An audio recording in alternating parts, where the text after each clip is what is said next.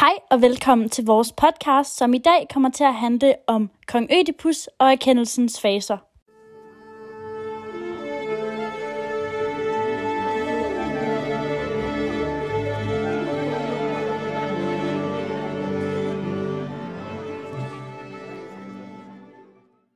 Hej Mia, og velkommen til. Tak skal du have. Du er jo professor ligesom mig inden for Ødipus, som jo er det afsnittet i dag kommer til at handle om. Ja, det er jeg, og det er jo super spændende. Jamen, skal vi så ikke bare til at komme i gang? Og kunne du så ikke tænke dig at give en lille genfortælling til de lytter, som måske ikke helt ved, hvad Ødipus er? Jo, det kan du tro. Altså, hovedpersonen, det er jo Ødipus, og han er som spædbarn blevet adopteret af kongeparet i Korinth. Øh, og som ung mand, så opsøger han oraklet i Delphi, som advarer ham om, at han vil komme til at dræbe sin far og gifte sig med sin mor.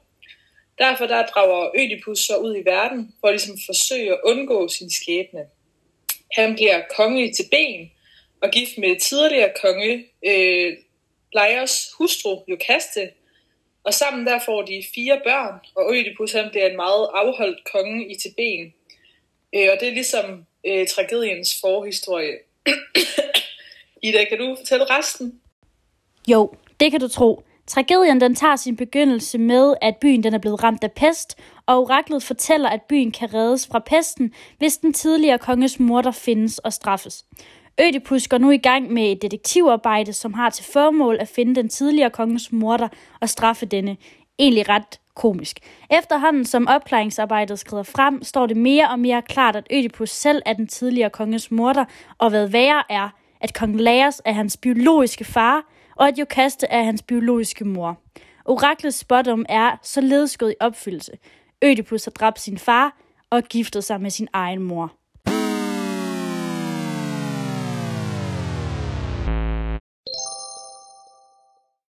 Så har vi det på plads. Skal vi så ikke dykke videre ind i analysen? Det tænker jeg kunne være spændende. Så er det med at hænge godt på derude i stuerne. Jamen, så starter jeg med en pointe, som lyder. Kreeren fortæller Ødipus om gudernes ord til pestens herren. Jeg vil mene, at det er Phobos, som er anden fase, som tilskuerne går igennem. Denne fase handler om frygt. Det giver jeg dig helt ret i, og jeg vil støtte op om din pointe med et eksempel og en forklaring. Hvis vi tager vers 95-98, siger kræren, så skal jeg da forkynde jer hans guddomsord. Hvor høje hersker Phobos. Bed os kort og klart, at vi skal ramse os for denne blodskylds pest, som trives i vort land. Hvis ikke, dør vort folk. Så det, der egentlig sker, er, at Krean fortæller, at guden Apollon har sagt, at pesten må stoppes, hvis ikke vil folket dø, og hvorfor pesten haver. Det er jeg enig i. Hvis vi så går videre til Katais, som er tredje fase, som tilskuerne går igennem, det er en følelse af indsigt og viden. Vi, for, vi forstår budskabet af dramaet. Hvad vil du sige, pointen er? Jeg vil sige, at Ødipus forklarer Jokaste, hvordan han dræbte den gamle mand, han nu tror er kong Laos. Ja, det gør han i vers 805-811, hvor han siger, Jeg slog vredt til ham, men den gamle mand i vognen ser det, vender han til jer, øh, når hen forbi hans plads, og rammer så et pikket stav imod mit hoved. Men det kom han dyrt at stå, for jeg fik staven fat og ramte ham hårdt, og han faldt hovedkult af vognen og var død, og de blev alle dræbt. Og det vil så egentlig sige, at Ødipus er meget aggressiv i sin håndtering af den ældre mænd.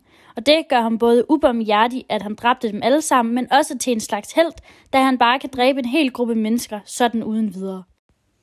Nu er vi nået til Peripeteias, som er vendepunktet i historien, som kommer flere steder. Det starter med i starten, hvor Ødipus han går ind i sagen og lover at løse den. Øh, Theresias, der slutter med at sige det, det er dig, Ødipus. Jeg vil påstå, at Ødipus lover befolkningen i Tibet, at han vil finde morderen, men han indrømmer, at han nok har gjort, at han ikke kan gøre det alene. Hvad tænker du om det? Jeg er enig, og vil gerne underbygge med et eksempel fra vers 215 til 232, hvor Ødipus siger, Du bad en bøn, og hvis du lytter til mit ord og lydigt følger det til ond drives bort, så vil din bøn om hjælp og frelse blive hørt.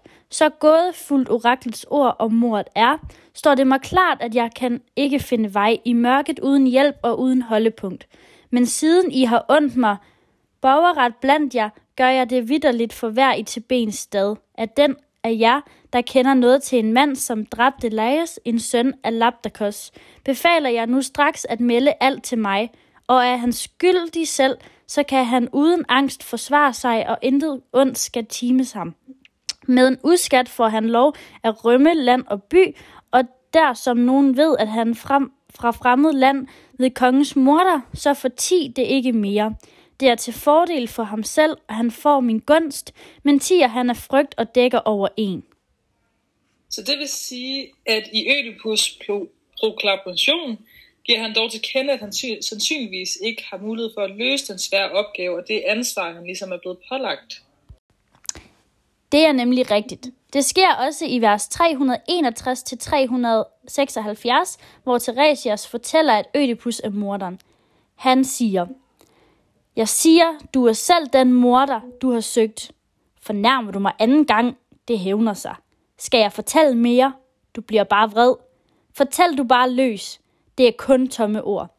Jeg siger, at du ikke ved, hvor brødfuldt et liv du lever i dit hus. Et liv i skam. Det tror du vel, du tror da vel, du har lov at snakke fredeligt løs. Jeg vidste så frem en sandhed ellers ejer kraft. Det gør den åbenbart for andre end for dig, for du er blind på både syn og sind og sans. Hvor ynkelig du er i al din spot mod mig, og snart vil alle her bebrejde dig derfor. I evig nat du går, og du får aldrig ram på mig og nogen her, som skuer dagens lyst. De i skæben vil, at ikke jeg skal fælde dig, men kun en Pollon selv skal sætte det i værk. Så hvis vi skal lave en lille kort opsummering på alt det Ida, hun lige har læst op, så er det, at uh, Theresis fortæller Ødipus, at det er Ødipus selv, der er morderen, og han desuden lever et liv i skam. Og det ved vi er på grund af ægteskabet. Theresis fortæller til sidst, at Ødipus han vil blive ramt af nemesis. Og endeligt er vi nået til den fjerde fase i erkendelsens faser, som er hvor Ødipus bliver præsenteret for sandhed, anagnorisis. Uh, sikkert et klogt ord. Det er egentlig bare der, hvor Tiresias fortæller, at Ødipus er morderen i vers 361 til 376, som vi lige har læst op. Det er nemlig helt korrekt. Ødipus møder også sandheden i vers 712 til 713, hvor Jokaste fortæller, Ødipus, hvor kongen blev dræbt, hun siger, men Laios blev dræbt, det siger rygtet da, af ubekendte drabsmænd ved en trekorsvej. Og der husker Ødipus trekorsvejen og begynder derfor at tvivle på sin uskyld. Dam, dam, dam, dam.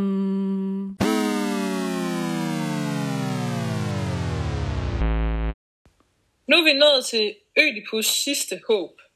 Ja, i vers 840-845 siger Ødipus, du hævder, at han har sagt, at nogen røverpak slog Laios ihjel, og hvis han holder på, at der var flere end en, så renses jeg for mor. For en er altid en, og aldrig flere end en. Men hvis han beretter om en enkelt mand, så er det mig, som mordet strammer knuden om. Ja, men det Ødipus egentlig vil, er at have fat i tjeneren, fordi det er ham alene, der kan be- eller afkræfte, hvorvidt Ødipus er morderen eller ej. Der kan han ved at sige, om der er en eller flere. Siger han, at der er flere end en, går han fri, eller ellers er det ham, der er morderen. Så det er hans sidste håb. Det er da sjovt, hvordan han bliver ved med at benægte det indtil det sidste. Synes du ikke? Altså, jeg havde nok gjort det samme. Benægte indtil jeg ikke kunne mere. Alt andet ville det have været dumt. altså, man må sige, at det er super spændende, det her. Men hvordan er det lige, det hele slutter i? Jo, altså, korsangen er i gang, og Ødipus siger, at mennesket er underlagt sin skæbne, som kan påvirkes af gudernes, og det kan man ikke gøre noget ved. For eksempel Ødipus kan ikke gøre noget ved sin skæbne. Lige meget hvad man gør, vil man udfylde den skæbne guderne har givet. Mennesket er underlagt skæbnen. Men det spændende er, at der ikke er en e- egentlig afslutning, men derimod to fortæller, fortællinger. Jeg tænker, at vi skal prøve at dykke ned i dem. Hvad siger du til det? Det synes jeg lyder som en fremragende idé. Starter du med første fortælling? Jo, den går således. Ødipus ender ikke med at dø, men går med krægeren ind på slottet for at finde gudernes vilje. Ødipus skal forlade til ben. Ødipus skal lade sine børn blive tilbage, og sønnerne skal overtage magten i stedet for Ødipus. Brødrene kommer op og slås om magten og slår hinanden ihjel. Kampen i kampen om magten. Ødipus ene datter vælger at begrave begge brødre mod lov. og Mia. Hvordan går det så Ødipus i den anden fortælling? Jo, den anden fortælling den går lidt anderledes. Den går nemlig sådan her. Sønderne efterlades og slår hinanden ihjel om magten. Ødipus tager de to døtre med ud af byen, og døtrene ender med at blive overfaldet, voldtaget og slået ihjel som 10-årige. Ødipus han kan ikke gøre noget, fordi han er blind, og til sidst så er Ødipus alene på Ketarions bjerg. Der bliver han så ramt af et lyn og bliver slået ihjel. Og Ødipus lever sit efterliv blandt de olympiske guder. Det var jo stort set hele fortællingen, var det ikke? Jo, det var det. Tusind tak, fordi du ville være med. Det var en fornøjelse. Hej hej. Hej hej.